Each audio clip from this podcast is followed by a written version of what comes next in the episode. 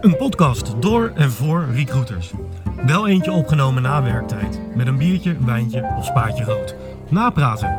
Beetje cafépraat, maar dan wel met de onderwerpen die ons bezighouden na de werkdag. Welkom bij het Recruitment Café.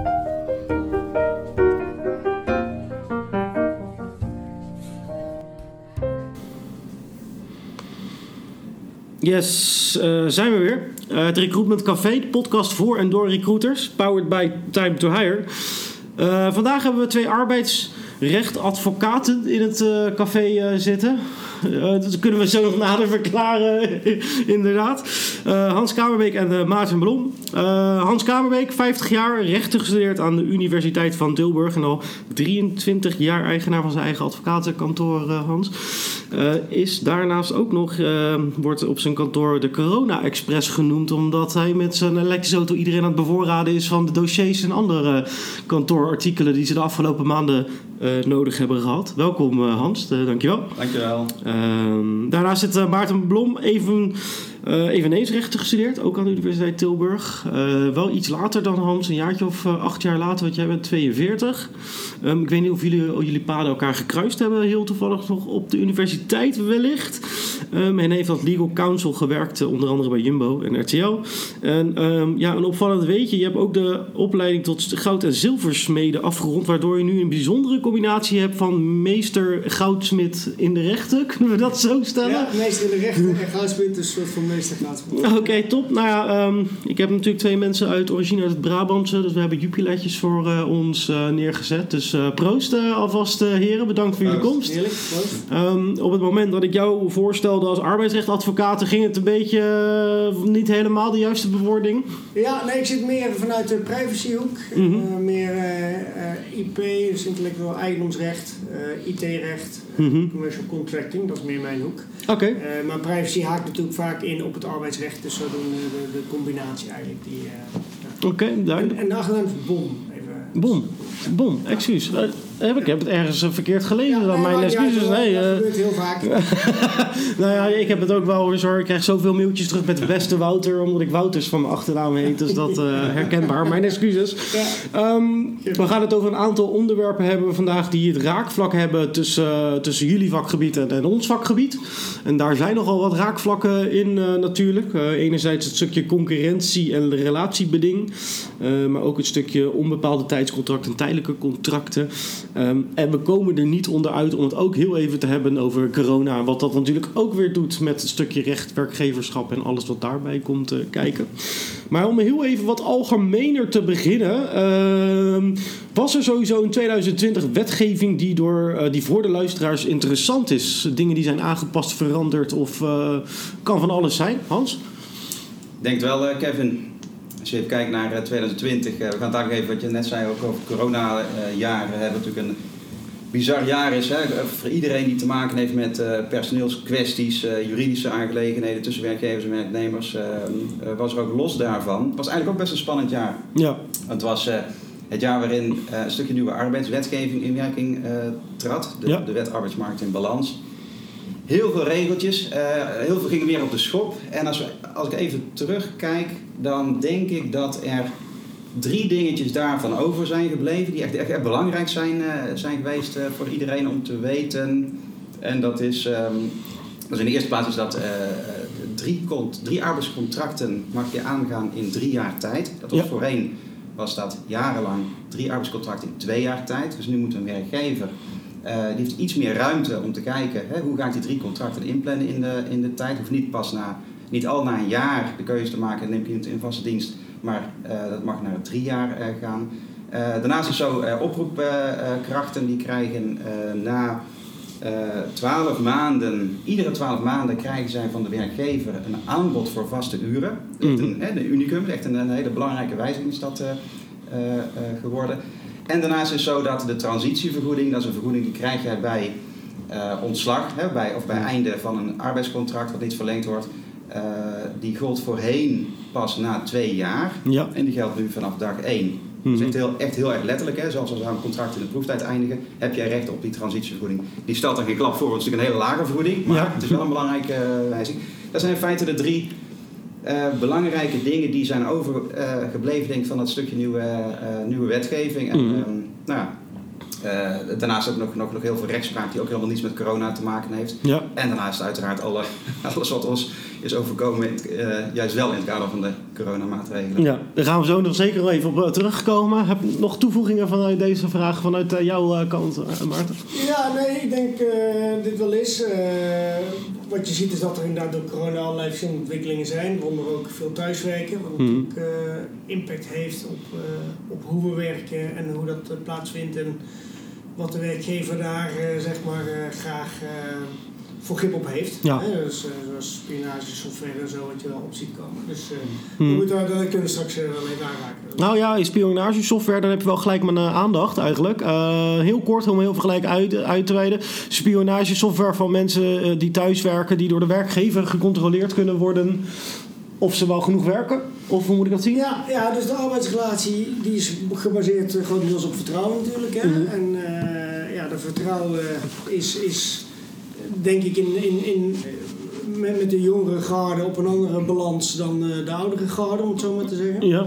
Dus wat je ziet is dat zeker bedrijven waar mensen altijd geacht werden op kantoor te werken en Ja. thuis werken, dan is het toch even spannend van doen die ook iets? Ja. Hè, wordt er wel gewerkt of uh, zijn ze hun huis aan het verbouwen Ja. of iets dergelijks? En uh, daar zijn natuurlijk allerlei digitale tools voor. Ja. Uh, dat weet inmiddels ook iedereen. Dus uh, dan is het even de vraag, mag dat ook zo? ja. En even, uh, als je nu een ja of nee mag zeggen op die vraag, mag dat? Is, is er een eenduidig ja of nee? Het kan. Het kan. Ja, kan. ik het zo, uh, zo benoemen. Hè? Dus Ja. uh, het, het, het mag niet, uh, het, dus het mag binnen kaders, laat ik Ja. het zo zeggen. Hè? Ja. Dus, dus het kan zeker. Oké. Ja, er gaan natuurlijk heel veel persoonsgegevens doorheen. Hè? Dus vanuit de AVG uh, Mm. en dan nog even los vanuit het arbeidsrecht ook. Hè? Want ik denk dat een OR bijvoorbeeld ook daar echt wel iets van moet vinden. Als je Mhm. dat, uh, dat uh, installeert. Ja. Maar er gaan natuurlijk heel veel, ja, je bent gewoon aan het beeldbellen vaak. Zo'n camera kan aangezet worden zonder dat de medewerker het weet. Dat is heimelijke cameratoezicht. Dus daar is vanuit de AVG meer dan voldoende wetgeving over. Ja. Maar ook, ook het volgen van uh, je gedrag in bepaalde applicaties, uh, dat kan natuurlijk ook niet zomaar. Dus, daar, uh, Mhm. dus als, als dat een, een, een, legitiem doel dient voor de werkgever, dus dat zul jij moeten tonen, dat Ja. jouw belangen zwaarder wegen dan die van de werknemer. Mhm. Dat is al wel een lastige balans hoor, Ja. denk ik. Maar, maar stel dat, dat, dat je daarin slaagt, of dat, dat meent te mogen doen. Ja, dan moet er ook nog een noodzaak zijn. Als je het op een andere manier kunt doen, zul je het op een andere manier moeten doen. Ja. Dus dat, ja, en dan is de, de OR is daar nog een taak in. Je, je zult ook moeten zorgen dat vertrouwelijke informatie van de mensen, want je hebt toch een stukje privé op de werkvloer ook. Hè? Dus Ja. uh, het is niet allemaal van de baas. Dus Mhm. daar zul je waarborgen mee moeten zetten. Van hoe ga ik dat dan isoleren? Ja. Ja, en hoe voorkom je dat uh, man en vrouw lief uh, desnoods recht uit de douche achter langs de camera lopen en niet in beeld komen? Dus Ja, dat is... daar- het zit er wel. Ja. Hè, dus er zitten nog wel wat haken en ogen Ja, aan. Dus het ja. is niet makkelijk. Dat is niet makkelijk, duidelijk. duidelijk. En, en dan een vervolg op de vraag van... eh, was er in 2020 wetgeving die voor de luisteraars interessant is? En nu ook, eh, was er in 2020 rechtspraak die interessant was voor, voor, voor de luisteraars? En dan hebben we het over de, de recruiters, de HR. Ehm hebben jullie daar Ja, een voorbeeld volop, van? eh, volop Kevin, eh, denk ik. de, als je even kijkt, de Hoge Raad is heel actief geweest. Hmm. heeft onder andere onlangs nog een belangrijke uitspraak gewezen over de vraag of iemand, wanneer iemand in loondienst is of wanneer hij zelfstandig is. Ja. Dat is een eeuwigdurende discussie, eh, juridisch, arbeidsrechtelijk, fiscaal, Ja, sociaal verzekeringsrechtelijk. Daarvan heeft de Hoge Raad sinds lange tijd weer eens een, eh, een uitspraak eh, ingedaan. Best een, een, een, nou, best een eh, schokkende uitspraak, denk ik, in zoverre dat daar werd gezegd. Het maakt niet uit wat die twee partijen zelf wilden, dus wat die werkgever en die werknemer wilden, of wat die opdrachtgever en die freelancer wilden. Ja. Dat maakt echt niet, niet uit. Het maakt ook niet uit welke titel er boven het contract staat dat ze zijn aangegaan. Want wij maken allemaal contracten, freelance overeenkomst of, of ZZP, noem maar op. Ehm, en dan wordt daar steeds in geschreven, eh, wij hebben niet de bedoeling om een arbeidsrelatie aan te gaan. Wij hebben de bedoeling om zelfstandigheid hierin tot uitdrukking te brengen. Maakt allemaal niet uit volgens de Hoge Raad. De, de, de, de bedoeling van partijen is niet relevant. Je moet kijken naar de feitelijke uitvoering. Ja. Wat zijn uiteindelijk die uitspraken, of die, die, die afspraken die ten uitvoer worden gelegd? En daar ga je naar kijken. En als die voldoen aan de eis van eh, arbeidsovereenkomst, dan is een arbeidscontract. En het belangrijke onderscheid is uiteraard, nou, eh, een, eh, iemand die een arbeidsovereenkomst heeft, die heeft ontslagbescherming, loondoorbetaling bij ziekte, noem maar op. Eh, terwijl een zelfstandige in feite gewoon rechteloos is, Ja. eh, behoudens wat er eventueel in het contract eh, komt staan. Hm. Dat is een belangrijke uitspraak.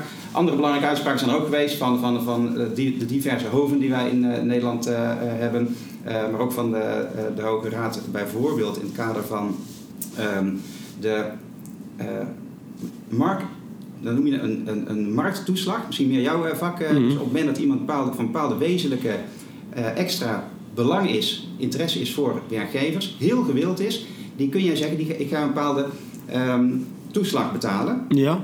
En die toeslag, die, ehm, eh, die, die, nou ja, die, daar verbind ik de, de voorwaarden aan dat ik die altijd mag intrekken. Die mag, daar mag ik, het is een toeslag die eh, voorwaardelijk wordt toegekend. Maar als een bedrijf, die heeft het gedaan bij 40 werknemers, Mhm. hè, 40 geliefde Maar wat voor toeslag moet ik dan denken? Wat, eh, Eh, een, een, een hoger salaris, hoger salaris? Ja, Oké. dus Omdat ze moeilijk vindbare mensen zijn of... precies. Ja? Ja. Mhm. Nou, stel je voor dat een bedrijf dat 15 jaar lang achtereen uitbetaalt. Ja. hè, aan een grote groep mensen, maar heeft aan het begin van die 15 jaar, dus begin bij de indiensttreding van iedere persoon, het voorbehoud gemaakt van als de omstandigheden wijzigen, Mhm. dan mag ik deze toeslag ervan afgooien. Mhm. Wat is dan de situatie? Meestal is het zo, als jij jarenlang achtereen volgens een bestendig patroon iets uitbetaalt, dan wordt dat een verworven recht. En noem dat maar even iets wat je niet eenzijdig kunt wijzigen. Ja. Deze werkgever besloot om het toch ervan af te halen. Want de omstandigheden waren gewijzigd na al die eh, 15 jaar. Mag dat nou zomaar? Nou, heeft, uiteindelijk heeft daar een, een, een hof heeft daarvan geoordeeld. Eh, ja, dat mag. Mhm. Er was duidelijk gecommuniceerd dat het mocht worden eh, eh, ingetrokken als de omstandigheden zouden gaan. Eh, zouden gaan wijzigen. Dus, dus als ik het goed begrijp, stel, ik noem heel even wat. eh, ik zit vaak met IT, eh, in IT-recruitment. Moeilijk vindbare mensen. Dus die worden misschien net iets beter betaald. Of krijgen er misschien hier en daar wat betere voorwaarden dan misschien wel collega's in een bedrijf. Omdat ze wat schaarser zijn. Maar als er een bepaling is opgenomen in het contract. Dat stel dat er opeens over tien jaar de markt overspoeld wordt met goede developers. Dat die eh, uiteindelijk die voorwaarden geschrapt mogen worden omdat de situatie veranderd is. Precies. Oké. En het is wel belangrijk uiteraard dat dat goed gecommuniceerd wordt. En dus dat dat voorwaardelijke karakter, dat dat heel duidelijk is geweest. Ja. Als je dat vergeet als werkgever, dan heb je het nakijken. Mhm. Dan is het uiteraard gewoon een vastloon Mhm. wat je niet kunt wijzigen. Maar dat is een hele belangrijke stap Ja. inderdaad eh, geweest. Ja. En dan nog heel even terug naar die, naar die eerste. Eh, je zei inderdaad van eh, wanneer is iemand ZZP'er, wanneer is iemand in, in loondienst. En dat gaat eigenlijk over de daadwerkelijke situatie en niet wat de ZZP'er of het bedrijf wil. Mhm. Ehm, dus dat betekent dan ook dat als een ZZP'er eh, een jaar lang 20 uur per week voor bedrijf A bepaalde klussen doet, dat hij bij spreken na een bepaalde tijd eigenlijk gewoon in loondienst is van dat bedrijf. Is dat een goede omschrijving van, van, van deze uitspraak? Of hoe? Nee, de, de, duur is niet zozeer eh, relevant. Mhm. Het slaat niet op een gegeven moment om. Mhm. Een, een arbeidsrelatie kan, of een bepaalde werkrelatie kan niet zomaar van kleuren verschieten. Daar is ook rechtspraak van de Hoge Raad eh, eh, over. Ja. Nee, het gaat er veel meer om. Ben je met elkaar, ehm, eh, heb je met elkaar afgesproken dat in geval van ziekte dat er dan iets wordt doorbetaald?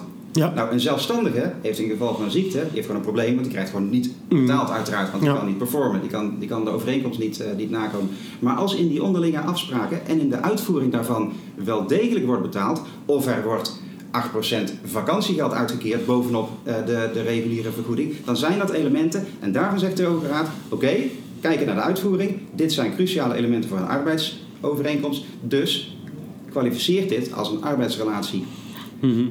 En daar moet de praktijk dan mee aan de slag. Ja. Dat is een uitspraak van een aantal maanden geleden. Het is uiteraard wachten. Hè, hoe gaat het uiteindelijk in de praktijk allemaal? eh, dit- en het is ook echt niet zo dat er nu opeens heel veel ZZP'ers allemaal een arbeidscontract blijken te hebben. Maar ehm, het is wel dat de Hoge Raad nu heeft duidelijk gemaakt van joh, maak je nou maar niet al te veel zorgen om wat jullie zelf wilden. Er moet gewoon getoetst worden aan de criteria van een arbeidsovereenkomst. Mhm. En als daaraan voldaan is, nou, dan komen de werknemer alle rechten toe die hem eh, wettelijk eh, toekomen. Oké, eh, Wat, wat- ja? wat hier interessant aan is, eh, vind ik ook, is je hebt eigenlijk twee fronten. Hè? Dus je hebt vanuit de Belastingdienst, dus je wil niet dat die claim verkeerd valt. Hè? Dus Ja. dat, eh, dat het inderdaad als een belasting of als een arbeidsovereenkomst wordt beoordeeld. En dat dan met terugwerkende kracht dat toch door je werkgever of je opdrachtgever in deze zin eh, Mhm. dat daar belast wordt. Ja. Eh, het is voor de werkgever andersom ook vervelend op het moment dat jij als freelancer die ziek wordt ineens kunt zeggen: hé hey werkgever, eh, ik vind eigenlijk toch dat ik in dienst ben. Ja. die is nog veel pijnlijker misschien ergens. Want Mhm. dat betekent dus dat je voor lange tijd er heel geschreven zit. Hè? Dus dat, Mhm. dat, ik vind wel in die zin eh, is het wel een belangrijk spanningsveld. En eh, Zeker. eh, ja, toch wel goed. Het is wel opletten voor werkgevers. Er zijn een paar uitspraken geweest. Dit is natuurlijk de hele essentiële die, eh, wat, wat we hier nu bij de kop hebben. Dat op het moment dat er sprake is van een eh arbeidsovereenkomst achteraf bezien, nou ja, een werknemer kan vijf jaar teruggaan. Dus, eh, eh, maar zo zijn er wat, wat meer uitspraken geweest. Ook in een hele recent was wel, wel, wel grappig eigenlijk. Misschien, jullie kennen wel de situatie dat je. ehm, eh, ik heb het vroeger zelf ook gedaan. Je werkt in een winkel en na sluitingstijd van die winkel eindigt ook in feite jouw werktijd. Hè, de salarisbetaling eindigt dan. Mhm. Maar je moet nog wel even een kwartier, 20 minuten wachten totdat de kassen zijn afgesloten door de collega. Zodat je uiteindelijk mag vertrekken. Betekent dat jij in feite eh, wordt geacht om dat te doen. Eigenlijk is het gewoon een bepaalde werktijd die niet beloond wordt. Nou, één werknemer die is naar de rechter gestapt en die zegt ik ben het er niet mee eens. En heeft, uiteindelijk heeft daar een, eh, de- rechter heeft daarvan gezegd, ja, aangezien eh, de werkgever dit oplegt, betekent dat dat dit kwalificeert als werktijd. En dat betekent dat het ook gewoon betaald moet worden. Wat betekent dat? Dat je gewoon vijf jaar lang terug kunt kijken. Hè, want dat is dan de, vordering, de, de, de, de, de verjaringstermijn van Mhm. vorderingen zoals deze. Dus ga het maar uittellen. En zo zijn er meerdere uitspraken geweest waarbij je terug kunt kijken, waarbij een nieuwe situatie ontstaan, terug, voor lange tijd terug kunt kijken. Mhm. Ik wil niet zeggen dat iedere werkgever nu met allerlei claims gaat worden geconfronteerd. Mhm. Hè? Ehm, maar goed, eh, dat eh, is, is wel degelijk mogelijk. Kan ook andersom werken. Even, even een hele andere, eh, misschien ook wel eh, belangrijke uitspraak is de volgende. De Hoge Raad die heeft zich uitgesproken over de situatie van een werknemer die niet eerlijk is geweest op zijn cv. Die heeft Ja. Gelogen, die heeft ehm, in ieder geval niet de waarheid, niet de volledige waarheid gesproken. Voorheen was het dan zo, oké, dan heb je als werknemer heb je een probleem. Je hebt iets uit te leggen. Worst case was dat jij ontslagen werd. Ja. Dat werd eruit gegooid, want jij hebt eh, onwaarheden ten tijde van de dienstreding. Nou was er een werkgever en die heeft gezegd, nou, ik vind het eigenlijk niet eens voldoende. Ik heb besloten om die directeur, dat betrof een directeur, directiefunctie, Mhm. was ook wel een heel ernstige situatie hoor, want het betrof een directeur die zich bepaalde kwalificaties had toegedicht, eh, eh, die ehm, niet juist bleken te zijn. Ja. En diploma's, et, et cetera, bleek gewoon niet gekwalificeerd te zijn. Ernstige situatie, maar die werkgever zegt: Ik ga niet zomaar ontslaan, ik ga zelfs het salaris terug eisen Ja. voor de volledige duur van de arbeidsrelatie die we met elkaar hebben gehad. Dat kwam bij de Hoge Raad en de Hoge Raad heeft ernaar gekeken en heeft gezegd: daar ben ik het mee eens. Dat kan in situaties waarin bedrog aan de orde is. Mhm. En juridisch gaat het dan langs de weg van vernietiging van de arbeidsovereenkomst. Dus de Mhm. werkgever die kan dan zeggen: hier is sprake van bedrog. Je hebt gefraudeerd met bepaalde diploma's en je hebt niet de, waarheid, de volledige waarheid gesproken. Dat betekent dat eh, met terugwerkende kracht in feite die arbeidsrelatie niet geacht wordt te hebben bestaan. En dat betekent dat het salaris moet worden terugbetaald. Nou, Oké. nou gaat de Hoge Raad er uiteindelijk niet over wat dan uiteindelijk precies moet worden terugbetaald. Die heeft gezegd dat moet een lagere rechter weer naar gaan kijken. Mhm. Maar de- in essentie is het dus wel zo dat door ons hoogste rechtscollege een hele wezenlijke uitspraak is gedaan over wat, hoe iemand zich presenteert. Hè, wat voor kwalificatie die zichzelf toedicht bij indiensttreding. Daar waar voorheen worst case was van oké, als het uitkomt ben ik mijn baan kwijt. Hou er nou even rekening mee dat jij mogelijkerwijs ook nog een deel van je salaris moet gaan terugbetalen. Oké, ja, ja. En want jij bent legal counsel bij de Jumbo geweest. En de, het, het, het eh, eh, voorbeeld van net van dat kwartiertje langer blijven omdat de kassa nog geteld moet worden. ehm, dat is wel iets wat de Jumbo natuurlijk op zijn bordje weer heeft gekregen. Of heb je daar verder dan niks eh, van, eh, van gehoord in die sens? Ja, nou, ik, ik heb daar uiteindelijk niks mee van doen gehad. Ik moet Mhm. eerlijk zeggen dat ik... eh, ik heb er zeven jaar geleden in eh, dienstverband Ja. gezeten. En ik heb toevallig net onlangs eh gisteren een periode van vijf maanden daar interim afgesloten. Oké.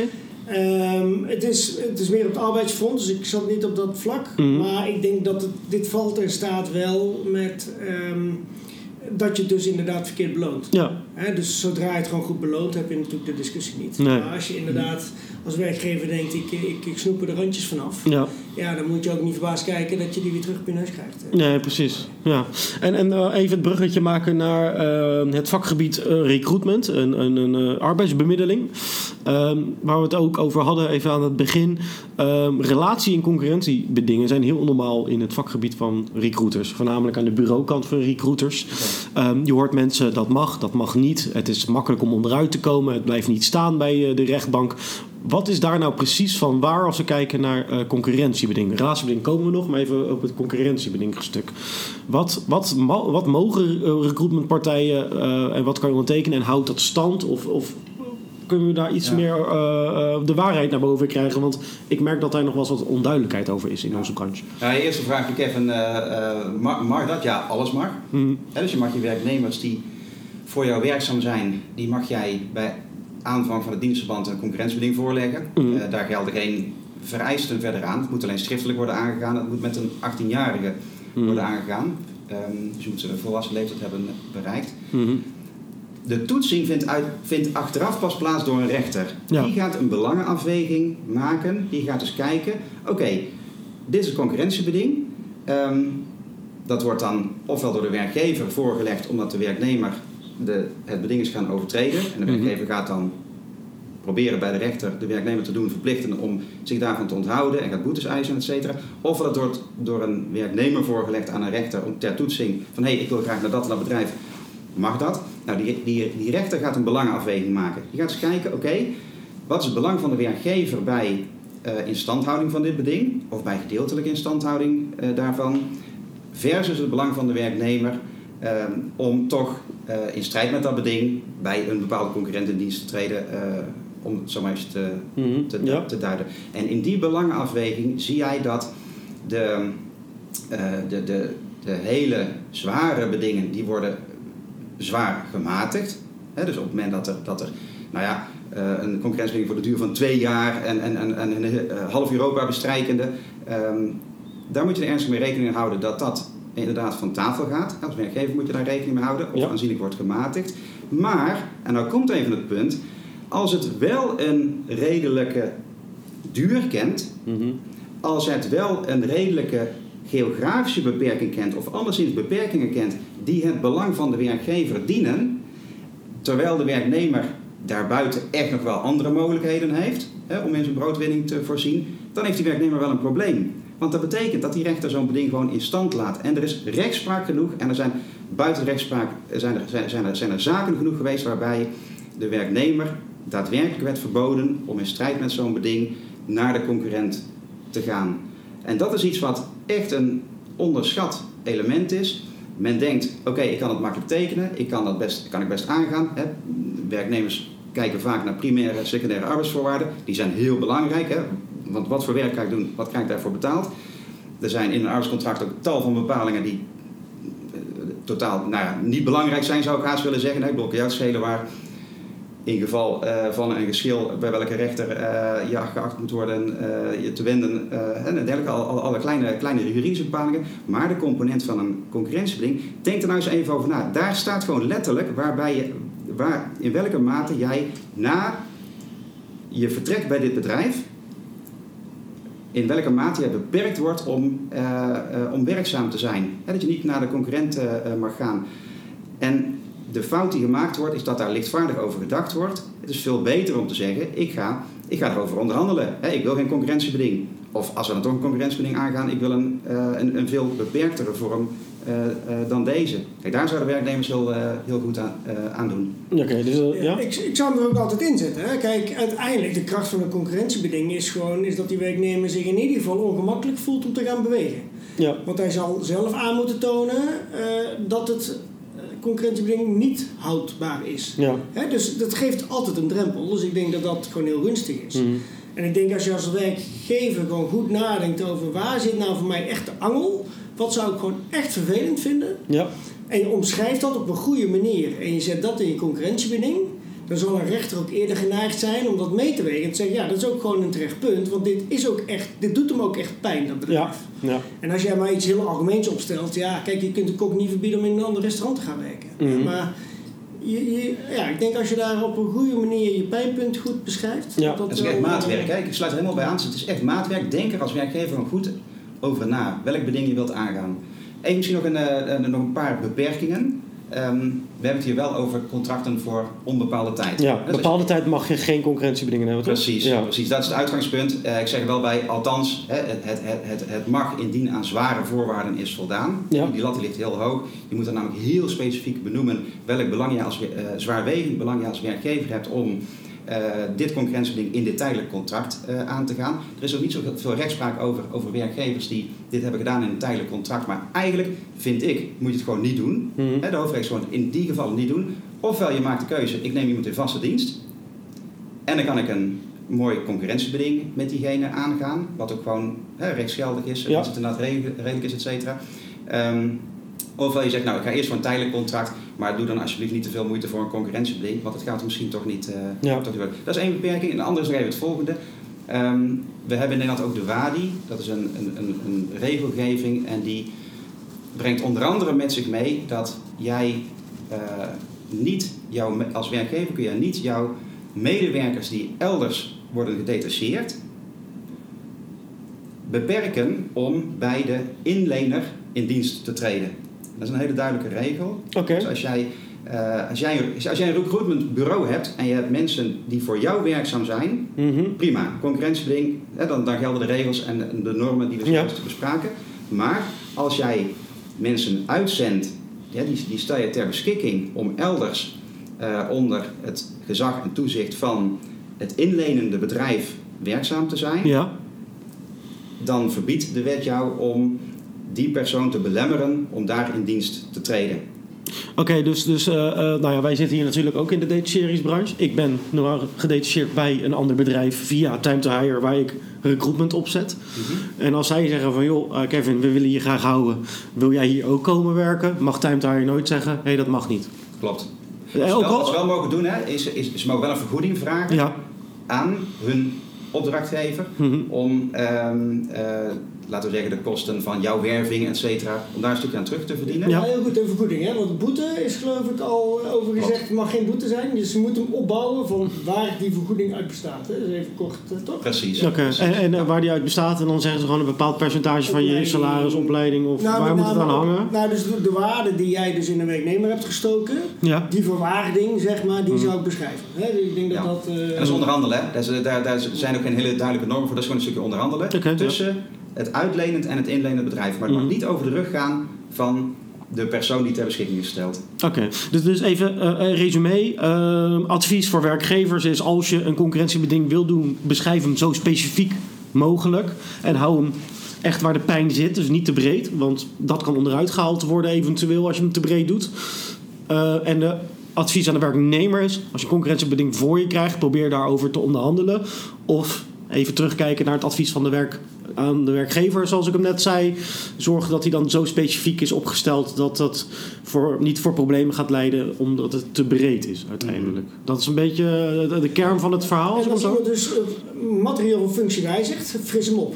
Hè, dus dat wordt Mhm. ook vaak vergeten, maar die is ook vaak belangrijk. Omdat bedoel je, je? dan, je krijgt een andere, als je een andere functie krijgt intern, Ja. dus echt materieel wijzigt, Ja, dan is het heel verstandig om het op te frissen. Omdat ja, eh, die kan weer heel specifiek anders zijn voor die specifieke functie. Dus Oké, als je daar in ieder geval even naar kijkt, dan even aanhouden. dus inderdaad, als je binnen een bedrijf promotie maakt of je gaat zijwaarts in een bedrijf binnen een net iets andere functie, eh, niet alleen eh, contract wijzigen, eventueel als Ja. er ook een salarisverschil in zit of whatever, maar ga ook dan weer even naar het concurrentiebeding kijken op dat gebied. Het kan zijn dat het zwaarder is gaan drukken. Ja, En zo, zo heet dat dan. eh, En, eh, ehm, de- het beste voorbeeld vind ik eigenlijk altijd als een concurrentiebeding van een verkoper zegt: luister, bij vertrek bij ons bedrijf mag jij een jarenlang niet ehm, als verkoper actief zijn binnen de regio waar jij nu werkzaam bent. Mhm. Bij een diensttreding, stel dat dat de provincie Zuid-Holland is. ja, Maar gaandeweg de arbeidsrelatie eh, eh, verschuift dat van uitsluitend de provincie Zuid-Holland Ja. naar heel Nederland.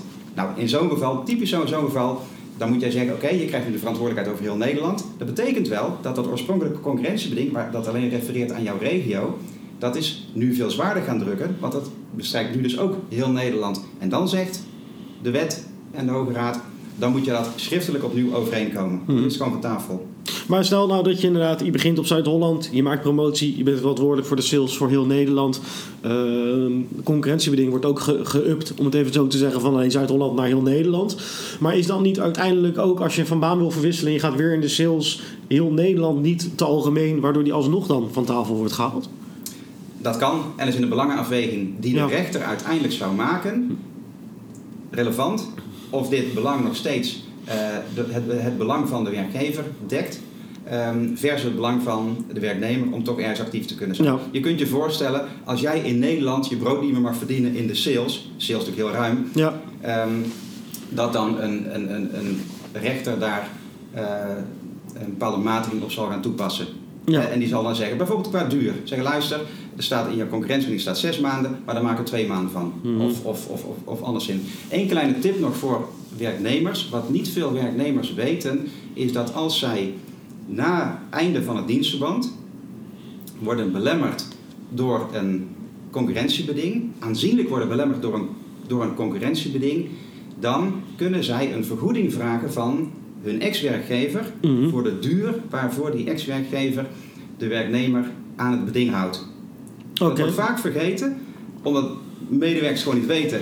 En ja, de, de werkgever gaat zich niet, eh, niet attent op, eh, op maken. Nee. Maar er is wel een bevoegdheid die, gewoon, eh, die, die, die staat gewoon in de wet. En je kunt gewoon naar de kantonrechter gaan om dat, om, om, om dat te gaan vragen. Je moet niet naar, ik zeg niet dat je naar een kantonrechter moet gaan. Je moet wegblijven van procederen en, en rechtszaken en dergelijke. Maar in het overleg met de werkgever kan het wel een rol spelen. Ja, Als je recht wilt gaan, zorg dat, dat niet alleen dat concurrentiebeding op tafel ligt en dat je daarover gaat praten in alle redelijkheid. Hoe kunnen we daar met elkaar eh, uitkomen? Maar confronteer die werkgever ook even met het feit van ja, denk erom, hou je mij eraan, dan belemmert mij dat wel eh, in aanzienlijke mate. Dus dan ga ik voor jou wel eh, een vergoeding daarvoor vragen. oké. voor de mensen die nu eh, getriggerd worden, hoe heet die vergoeding in de sens dat ze dat kunnen googlen, bij wijze van? Ja, burgerwetboek staat er gewoon, Oké. artikel 653, eh lid 4 volgens mij. Oké, nee, ja, dus, dus heel even kort door de bocht gezegd. Je werkt bij een recruitmentpartij, een bureau recruiter. Je gaat naar de concurrent overstappen. Hun zeggen, hey, ho, ho, je hebt een concurrentiebeding. Dat gaat dus even niet door. Dan heeft de werknemer recht op een bepaalde vergoeding... dat hij wordt tegengehouden om zijn broodwinning voor te zetten elders. Ja, indien hem dat in aanzienlijke mate beperkt. Als er naast die ene eh, nieuwe werkgever nog tal van andere mogelijkheden zijn Mhm. en jouw ex-werkgever, die dus een concurrentie met jou heeft, eh, beperkt jou alleen maar om naar die ene te gaan Ja. en geeft jou vrij om naar alle andere te gaan, Mhm. ja, dan is dat natuurlijk niet een beperking in aanzienlijke mate. Het gaat meer over het voorbeeld van iemand die echt gewoon zijn brood niet meer kan verdienen in het werk dat hij 20 jaar lang heeft gedaan. Ja, Dan zeg ik van oké, dan ga maar eh, naar je werkgever en, en geld eh, eisen. En daar Oké. komt die algemeenheid van die- dat beding ook weer terug. Dus hoe algemener het is, hoe meer het je beperkt ook. Hè? Dus in Ja. die zin, hè, en dan die algemeenheid zit natuurlijk op meer fronten. Dat zei je net al van. Het zit niet alleen in de regio, maar het zit ook in, in het, het soort bedrijf, hè, Mhm.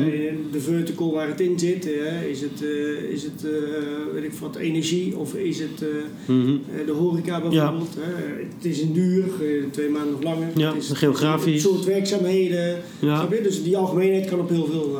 Oké. En, en ehm, we hebben concurrentiebedingen, we hebben relatiebedingen. Het grappige is, jij zei net, eh, ik mag bij wijze van spreken niet tegengehouden worden om bij, uiteindelijk bij een klant te werken waar ik nu via Time to Hire gedetacheerd word. Maar dat is een relatie van Time to Hire. Als ik nou een relatiebeding heeft, is dat relatiebeding dan nog iets waard daarin? Of wat is dan een relatiebeding anders dan een concurrentiebeding dan? Hoe? Volgens de wet is het allemaal hetzelfde. Het zijn allemaal bedingen die een werknemer beperken in de mogelijkheden die hij heeft na einde dienstverband. Mhm. Maakt niet uit wat het is. Hè, concurrentiebeding, relatiebeding, eh anti-aftroggelbeding. Je mag niet ex-collega's gaan vragen om mee te gaan, et cetera. Ieder beding is jou beperkt na einde van de arbeidsrelatie. Relatiebeding, het staat niet eens in de wet, hè, maar dat is, in feite een onderdeel daarvan. Ja. En heel specifiek beperkt een relatiebeding jou om bij de zakelijke relaties van jouw huidige werkgever eh, aan de slag te gaan, daarmee aan de haal te gaan, daarvoor zaken te gaan doen, eh, proberen bij jouw klant te gaan laten worden, eh et cetera. Dus vaak zegt een relatiebeding dan van oké, jij bent gedurende enige tijd, zes maanden, twaalf maanden, ben jij weerhouden ervan. Het is jou verboden om ieder zakelijk contact, direct, indirect, met onze zakelijke relaties te hebben. En dat is een beding wat in de praktijk meer stand houdt dan een heel algemeen concurrentiebeding. Als een Mhm. concurrentiebeding zegt, je mag ons geen concurrentie aandoen, Mhm. heel algemeen, hè, Ja. dat, ik zei. Eh, maar een relatiebeding, dat in feite zegt van, ik vind het zo belangrijk. Dus dat is een werkgever die er goed over na heeft gedacht, hè, wat, je- wat, wat Ja. Net zei. Ja. Ik vind het heel belangrijk, gezien alles wat we nu in jou investeren en alle kennis en ervaring, je bent het gezicht van, van ons bedrijf. Ik vind het heel belangrijk dat jij, als jij hier zou opzeggen, dat jij dan een tijdje wegblijft van die relaties. Mhm. En dan zegt ook vaak een kantonrechter: Oké, ehm, daar heeft de ex-werkgever een bepaald belang bij. Dat moet ook niet al te lang duren, want in wezen moet die ex-werkgever binnen een maand of zes ook wel weer in staat zijn geacht om een nieuwe persoon te werven voor diegene. Die moet ook wel ehm, een ander dat nieuwe gezicht eh, laten zijn voor die Ja. relaties. Maar ehm, het is in de praktijk is het wel krachtiger voor een werkgever dan een heel generiek eh, concurrentiebeding. Oké, wat zei jij? eh, eh, je hebt zelf een advocatenkantoor. eh relatiebedingen, eh, concurrentiebedingen bij jouw medewerkers. Bestaan die? Ja, ja, ik zou je zeggen, eh, eh, ja, die hebben wij. Het is, eh, in de advocatuur is het bij stagiaires is dat heel gelimiteerd. Dus een beginnend advocaat Mhm. heeft er al niet zoveel last van. Maar na drie jaar, dan, dat, na drie jaar advocatenopleiding, dan, eh, dan is dat losgelaten. En dan vallen we gewoon onder de algemene generieke regeling die we net hebben besproken. Ja. En daarvoor, ja, daar, daar, daar geldt dan dat, dat, dat binnen onze regio, ehm, waar het kantoor gevestigd is, dat daar eh, een concurrentiebeding geldt. Ja. Dat is één ding. En het tweede is ook een relatiebeding. Ja, dus alle relaties die wij de afgelopen, volgens mij gaan we twee jaar terug of zo, eh, ehm, dat, dat is ook verboden aan de collega's om daarmee aan de slag eh, te gaan. Nou, het eerste is al van weinig waarde, want we werken gewoon landelijk. Dus ja, wat die, wat die kleine regio van waar de vestigingsplaats van mijn kantoor te maken heeft, is maar heel ehm, eh, beperkt in zekere zin. Ja. En het tweede moet je ook even afvragen. Ja, kijk, zo'n relatiebeding. hè. Eh, ik denk dat ik bij een aantal relaties daar echt wel belang bij zou hebben. Maar ja, eh, heel veel lopende kwesties, heel veel lopende klussen die ze doen. Als iemand bij ons zou vertrekken. Ik denk dat wij er in alle redelijkheid allemaal uit zouden komen. Ja. Ik zie daar echt geen enkel probleem. En zo, zo zie ik het gewoon in de praktijk. Niet alleen in ons kantoor, maar ook gewoon in de praktijk heel vaak gewoon zo gaan. Je komt daar wel eh, aan uit Ja. met elkaar. Ja. Wat, wat zou jij adviseren? Zou jij eh, voorkeur een sterk afgebakende concurrentiebeding adviseren of een relatiebeding? Wat, wat, Ja, hangt helemaal heel veel af uiteraard van de branche specifiek, et cetera. Ja. Maar ik voel veel meer voor een relatiebeding. Wat ik Mhm. net ook zei, dat is, dat is, eigenlijk is dat krachtiger. Is het, is, het is een, een, een- meer specifiek geeft dat het belang weer van jou als werkgever. Ik wil dat je gewoon even een tijd bij die relatie wegblijft. Ja. Geef mij de gelegenheid om, nu jij weggaat, om een ander daarvoor eh, te introduceren en die, die plaats te geven, et cetera. ja. Maar ga jij iemand ehm, eh, het onmogelijk maken om zijn vak uit te oefenen? Mm, Dat doe je niet. ja. En sorry dat ik nog heel... Ja, het ligt Ja? een beetje aan, aan wat je doet. Hè. Dus ik denk als consultant, eh, bijvoorbeeld bij een Deloitte, Ja. ja, dat je naar PwC gaat zal op zich niet zo heel spannend zijn. Mhm. Want jij neemt verder niet mega veel inhoudelijke kennis mee, want Mhm. jouw kennis zit al in jouw bol, om het zo maar te zeggen. Ja. Dus eh, hoogstens verliezen ze jou. Maar het wordt wel heel vervelend als je klant af gaat pakken. Ja. Het kan bij een IT-bedrijf anders zijn, want bij een IT-bedrijf kan het zo zijn dat jij toch heel veel bedrijfskennis hebt dat heel gevoelig is, Ja. wat ze niet bij een concurrent hebben willen liggen. Ja. Dus, dus, en dan is de relatie weer minder spannend misschien. Mhm. Dus het ligt ook echt wel, denk ik, aan het soort bedrijf eh, waar het om gaat. Ja, en, en, om heel jullie zijn misschien niet helemaal bekend in de recruitmentwereld, maar er zijn heel veel bureau-recruiters, zoals wij dat noemen, eh, die voor een Michael Page of voor een Star Apple of voor een bedrijf werken, waar je een regio hebt, waar je een functiegroep hebt, zoals IT, en dat je gewoon heel veel klanten hebt die jij bedient van de juiste kandidaten. Daarin eh, heb je natuurlijk veel relaties die je opbouwt. Je, je hebt misschien PwC als klant, waar je mensen die in de legal zitten eh, bemiddelt, bijvoorbeeld, waar je veel geld eh, voor krijgt. Mag je dan eh, met een relatiebeding niet bij PwC als recruiter gaan werken? Vanuit je eerste vak als Tuurlijk, dat zou dat, dat zou dat ding gewoon kunnen weergeven. Ja. Ja, als jij nu bij Deloitte zit en je doet daar. eh, ehm, weet je, je bedoelt het voorbeeld van waar iemand bij een relatie bij een recruitmentbureau Ja, in loondienst is. ja, En een van de klanten Ja. is dan PwC in dit geval. bijvoorbeeld. En dan zou diegene opzeggen Mhm. en zou bijvoorbeeld voor zichzelf gaan beginnen of via een ander bureau. Ja. En dan ook weer voor PwC aan de slag willen gaan. Ja, of misschien zelfs bij PwC gaan werken als recruiter. Ja, oké. Dat Wat je nu zegt is een concurrentiebeding in zekere zin. Hè? Ja. Want het verbieden om ergens aan de, aan de slag te... Het relatiebeding aspect heeft betrekking op ehm, wegblijven van relaties gedurende enige tijd. PwC is in dit voorbeeld een relatie van jouw werkgever. Ja, Nou, als jij daar een beding hebt wat, wat, jou, wat jou ook niet eh, ehm, eh, beperkt om, om, om actief te zijn, hè, om jouw werk eh, uit te oefenen en dergelijke, dan is dat gewoon een heel legitieme relatiebeding. Zeker. Mhm. zeker. Niet, niet, niet twee jaar lang hè, of, of, of vijf jaar lang, maar wel voor een duur van, laten we zeggen, zes maanden, twaalf maanden, helemaal prima. Ja. Dan moet je gewoon echt wegblijven. En, en nog even wat, ehm, ik heb misschien heb ik hem niet goed begrepen, maar er zit een tegenstrijdigheid ergens in mijn hoofd. Je zei enerzijds, ehm, ik mag, eh, omdat ik via Time to Hire gedetacheerd word bij mijn klant, mag Time to Hire mij niet tegenhouden om daar vast in dienst te komen. Omdat, wat je net uitlegde, dat dat in principe niet mag. Maar het is een relatie van Time to Hire. Dus als ik een relatiebeding met Time to Hire heb, mag ik dan toch niet bij mijn relatie aan de slag gaan? Als, als dat zo zou zijn, dat in jouw relatiebeding staat dat jij niet aan de slag zou mogen bij dat bedrijf waar je Mhm. nu gedetacheerd bent, hè, Ja. bij in-house waar je, waar je gewoon voor aan de slag bent, Ja. nou, dan stuit dat op de WADI. Want artikel, artikel 9 van de WADI geeft gewoon aan dat dat verboden is. Oké, oké. Dus, dus dan in, in, in dat geval, met een relatiebeding, mag ik wel tegengehouden worden om bij mijn klant te gaan werken. Maar als het alleen een concurrentiebeding is, zou dat in principe. Nee, nee, het gaat om het volgende. Ben jij als recruiter Je zet even je flesje drank erbij neer. ja. Ben jij in loondienst van een recruitmentbureau? Laat- Ja. Dat, dat is even de situatie. Ja. Nou kan het zijn dat jij gewoon werkt voor Time to Hire in dit geval. Voor, de, voor, dat, voor, dat, voor dat bureau ben jij, ben jij werkzaam. Dat- Mhm. daar, daar bedien jij je klanten mee, eh, et cetera. Met die medewerker kun jij een relatiebeding eh, aangaan. Ja. Dus je je bureau kan met, met, met, met, met diegene een relatiebeding aangaan Mhm. die het verbiedt om, bijvoorbeeld voor de klant PwC, waar veel voor gedaan wordt, Ja. om daar ehm, zaken mee te doen gedurende enige tijd na jouw vertrek. Mhm. Het wordt anders op het moment dat jij geplaatst wordt bij PwC, daar aan de slag gaat, hè, onder leiding en toezicht van PwC, Ja. daar actief bent, dan mag je niet belemmerd worden om daar in dienst te treden. Ja, en dan hebben we het over een detacheringsconstructie. Precies. Dat ik wel door hier betaald word, maar onder toezicht Ja. van hun daar werk. Precies. Ja. Ja. Nou, de- da- daar geldt dat belemmeringsverbod voor. Ja. Eh, eh, en dat, en die betekent, dat betekent dat op het moment dat jij eh, zou weggaan en jij zou namelijk graag bij PwC in dienst treden, Ja. dat jij niet belemmerd mag worden door jouw huidige werkgever eh, om dat eh, te doen. Duidelijk, duidelijk. Zijn er nog aanvullingen op vanuit eh, andere gebieden?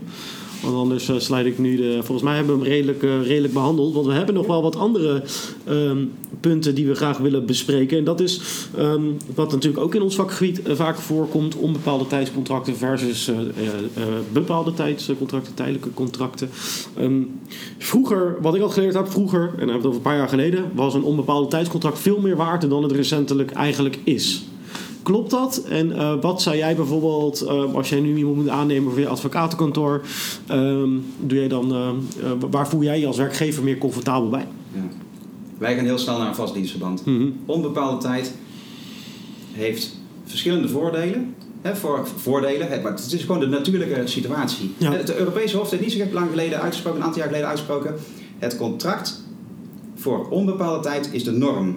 De uitzondering is het bepaalde tijdscontract. Ja. Hou dat heel beperkt. Is tegen alle lidstaten gezegd, je moet zorgen dat het heel beperkt blijft. Ja. Nederland heeft het redelijk ruim gelaten. Die heeft gezegd, je mag namelijk drie contracten voor bepaalde tijd Ja. in drie jaar tijd. Dat is best ruim.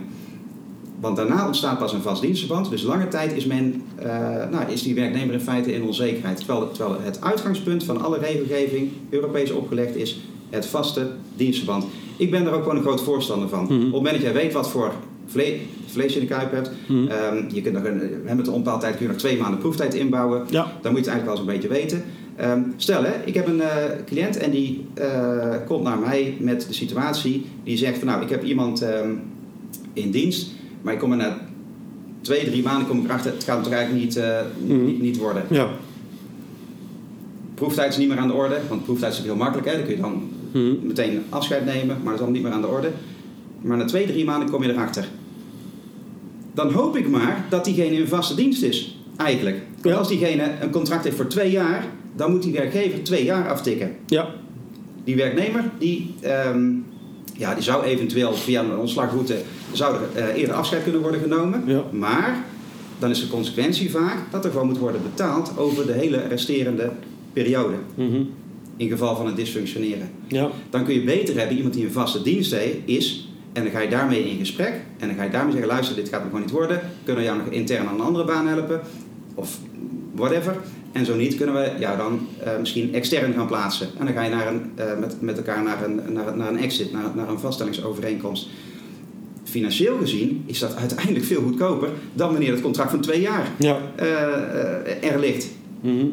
En dat is een voorbeeld van een situatie waarin, ehm, ondanks het feit dat een werknemer ontslagbescherming heeft in geval van een onbepaalde tijdscontract, welke ontslagbescherming niet geldt in geval van bepaalde tijd, want ja, daar geldt gewoon een maand van tevoren moet worden aangezegd, dan stopt dat gewoon Ja. na de omkomst van, eh, van het duur.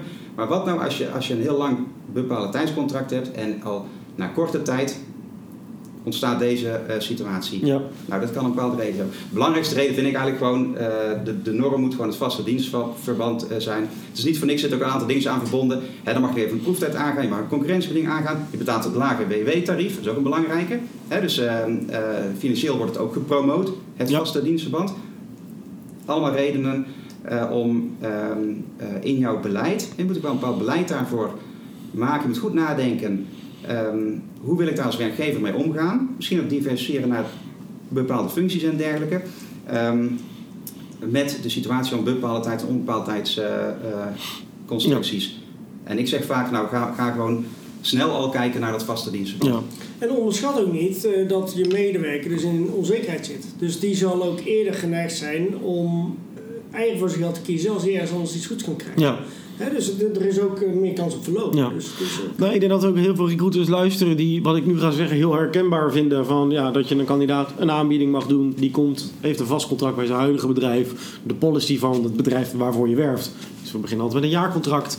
En dan moet je iemand overtuigen als recruiter. Wat zijn dan de beste argumenten die je dan als recruiter kan gebruiken, juridisch gezien, naar die kandidaat? Waarom een jaarcontract in deze ehm, toch eigenlijk niet zo erg is als dat onbepaalde tijdscontract wat die had bij in de coronatijd heb je nu sowieso een jaar. Hè? Dus dat is lekker. Ja, dat is, eh, die is binnen in de Dus, eh, pocket. Dat, dat, dat verlengt het. Behouden ze de, proefmaand, is die in de pocket. Ja. Ja. Ik zou die werknemer in ieder geval aanraden om te kijken naar het jaarcontract, om daar de tussentijdse opzeggingsmogelijkheid, als die erin zou staan, om die eruit te gooien. Oké. Die staat er niet altijd in. Ik raad het de werkgever altijd wel aan. Ja. Hè, een, een, ieder tijdelijk contract zet daar een tussentijdse opzeggingsmogelijkheid in. Dan heb je in ieder geval, als zich een, bijvoorbeeld een bedrijfseconomische situatie zich voordoet, de mogelijkheid om het tussentijds te doen eindigen Ja. met een UWV-ontslagvergunning. Op het moment dat je dat, die bepalingen niet in hebt staan, dan heb je een probleem, want dan valt er helemaal niks te beëindigen. Ja. Voor een werknemer is dus de omgekeerde belang. En die zou er dus een bepaald belang bij kunnen hebben om die bepaling niet in dat contract te hebben. Dus Mhm. je zou kunnen zeggen tegen die medewerker die natuurlijk nu een vast dienstverband heeft, Ja. heel comfortabel, althans neem ik aan, ehm, eh, eh, en die biedt jij een eh, baan aan voor bepaalde tijd. Ja. Nou ja, succes ermee zou ik zeggen. Hè? Dat, dat, dat, dat, is nogal iets. Dan zullen de voorwaarden heel goed moeten zijn. Dan zal misschien het vertrouwen vanuit de werknemer heel groot moeten zijn dat dat een verstandige stap is die die gaat, die die gaat maken. Ehm, ja, vanuit dienstperspectief is het natuurlijk, zou het nog fijner zijn als dat geen jaarcontract is, maar een tweejaarcontract, om Ja. even iets te noemen. Ja. En dan zonder tussentijds opzeggingsbeding, nou, dan trek je mij ook wel over de streep hoor. ja, precies. En dan ben je gewoon eh, gegarandeerd van twee eh, jaar inkomen, bij wijze Mocht het van. fout gaan, dan, eh, ja, dan heb je in ieder geval die. eh, en, ja. Ja, oké. Ja, het zit eerder op de zachte kant, denk ik. Hè. Ik, bedoel, ik denk dat de hele markt, eh, of veel mensen, veel bedrijven in de markt het doen, een jaarcontract. Dus, Ja. en zo'n werknemer wil op een gegeven moment ook bewegen, dus die wil ook iets. Ja. Dus overal waar die aan zal kloppen, zal die kans groot zijn dat het zo is. Mhm. En je hebt natuurlijk wel een financiële component die interessant is. Wat, zou je, wat zouden jullie willen zeggen tegen werkgevers die het als beleid hebben om te beginnen met een jaarcontract? Om hun te overtuigen dat dat misschien eens eigenlijk misschien niet zo'n goed idee is of dat het anders kan. Wat, wat zou jullie advies naar zo'n werkgever zijn? Denk ook eens na over zes maanden. Hoe bedoel je? Zes maanden, zes Zes maanden zonder proeftijd. Ja. ja, dan mag geen proeftijd. Hè, dat is natuurlijk het nadeel eh, daarvan. Mhm. Maar Allah, dan is zes maanden risico wat jij, eh, wat jij neemt. Mhm. Nou, als je daar, daarmee ook jouw me- medewerkers kunt krijgen. Het voorbeeld wat je net aangaf, je moet iemand vanuit een losweken vanuit een bepaalde vaste eh, dienstbetrekking. Stel dat jou zou lukken met, met zes maanden. Ja. dan is dat een, een inperking van het risico dat jij neemt als werkgever met zes maanden hè, in, Mhm. plaats van, in plaats van een jaar. Ja. Ja, dat is ook zeker nog een eh, optie, maar dat is wel gelijk inderdaad zes maanden zonder proeftijd inderdaad. Dus dat is ook nog een kleine, kleine gok die je dan daarin neemt. Ehm, duidelijk. Zijn er nog verder aanvullende punten over, eh, over het verschil tussen, tussen deze twee contracten, de voor- en nadelen en vooral als point of view van werkgever of werknemer?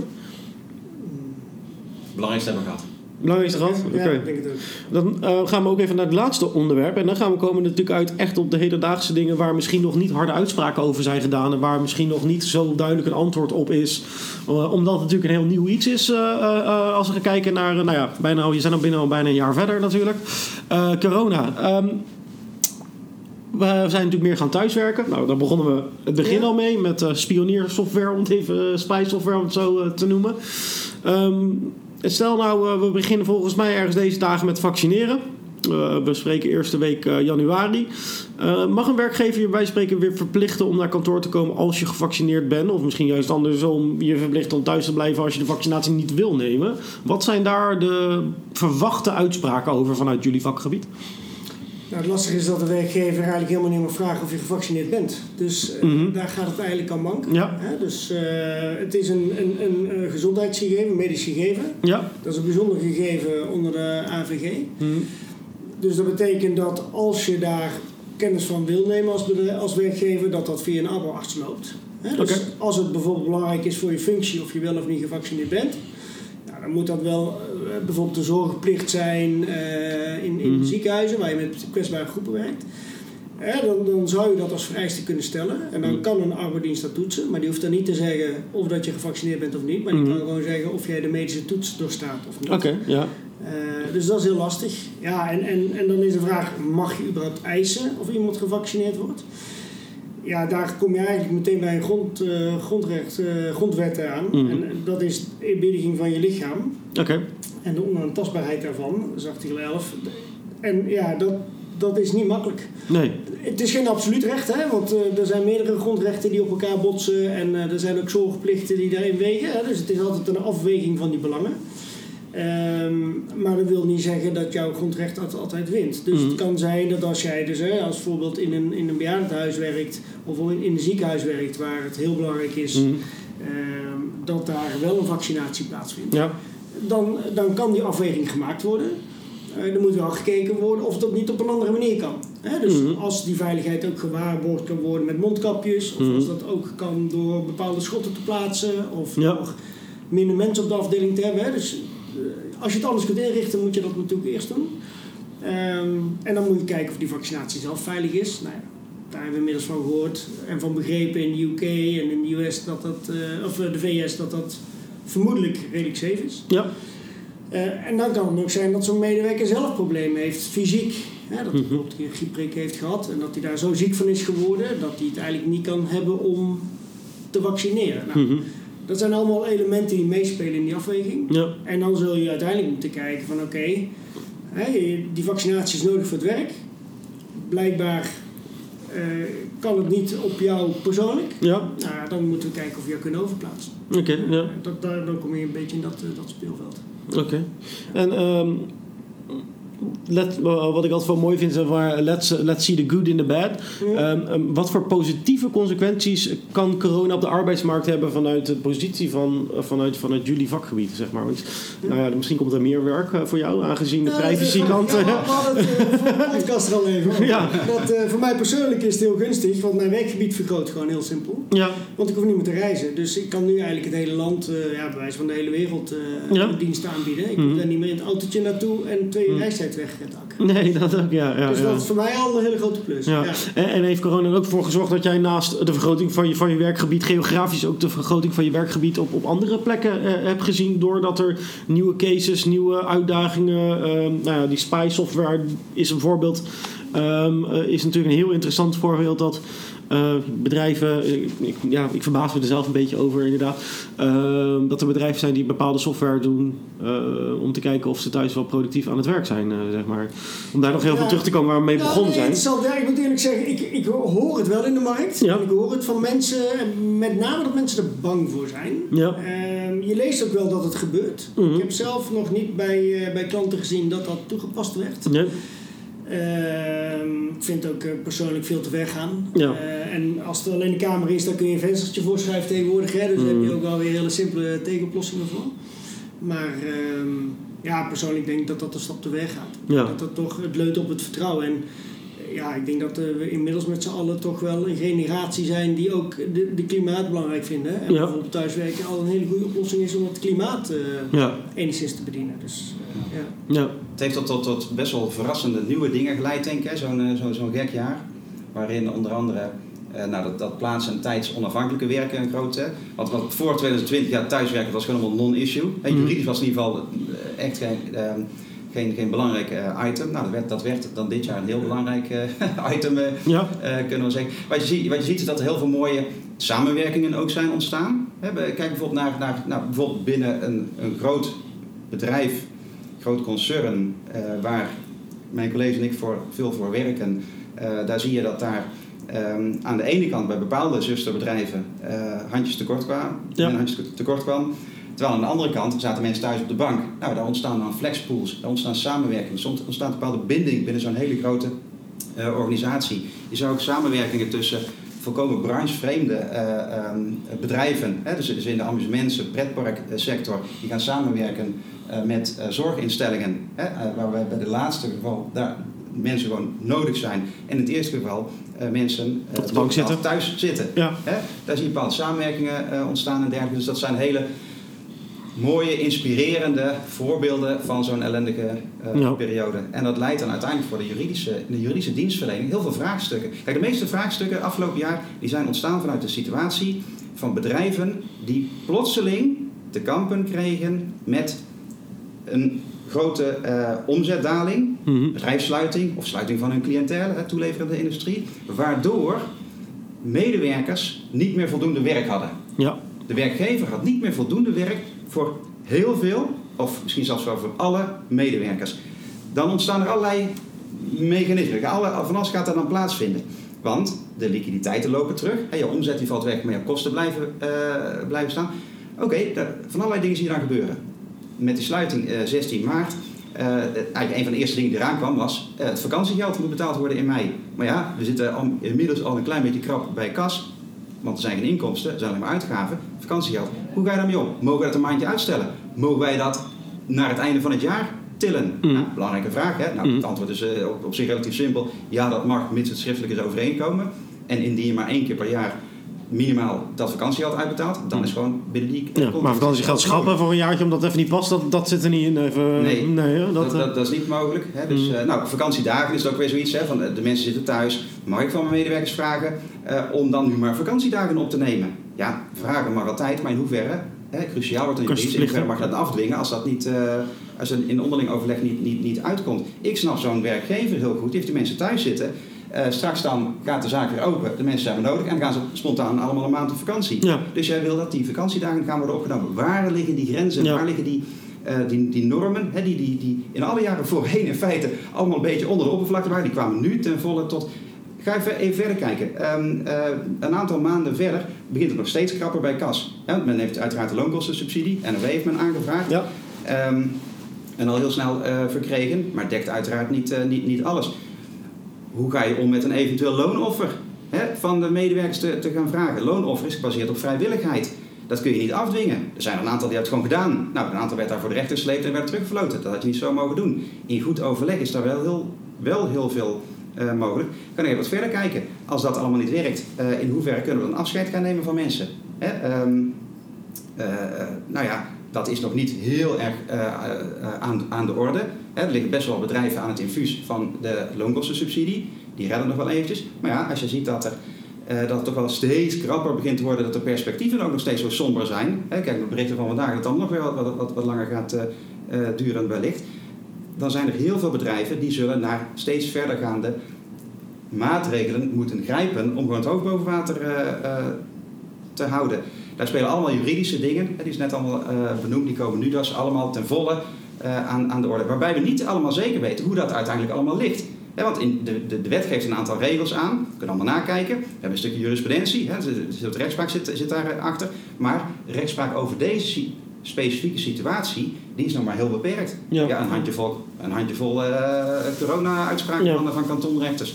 Maar, maar, we krijgen nu de situatie dat we straks, uh, stel dat we richting de zomer gevaccineerd zijn, de wereld gaat weer mondjesmaat open. Dan komt er opeens een golf van vakantiedagen. Want mensen kunnen weer ergens naartoe, naar een festival, op vakantie, kunnen het vliegtuig in, kunnen weer familie gaan bezoeken die misschien in het buitenland woont.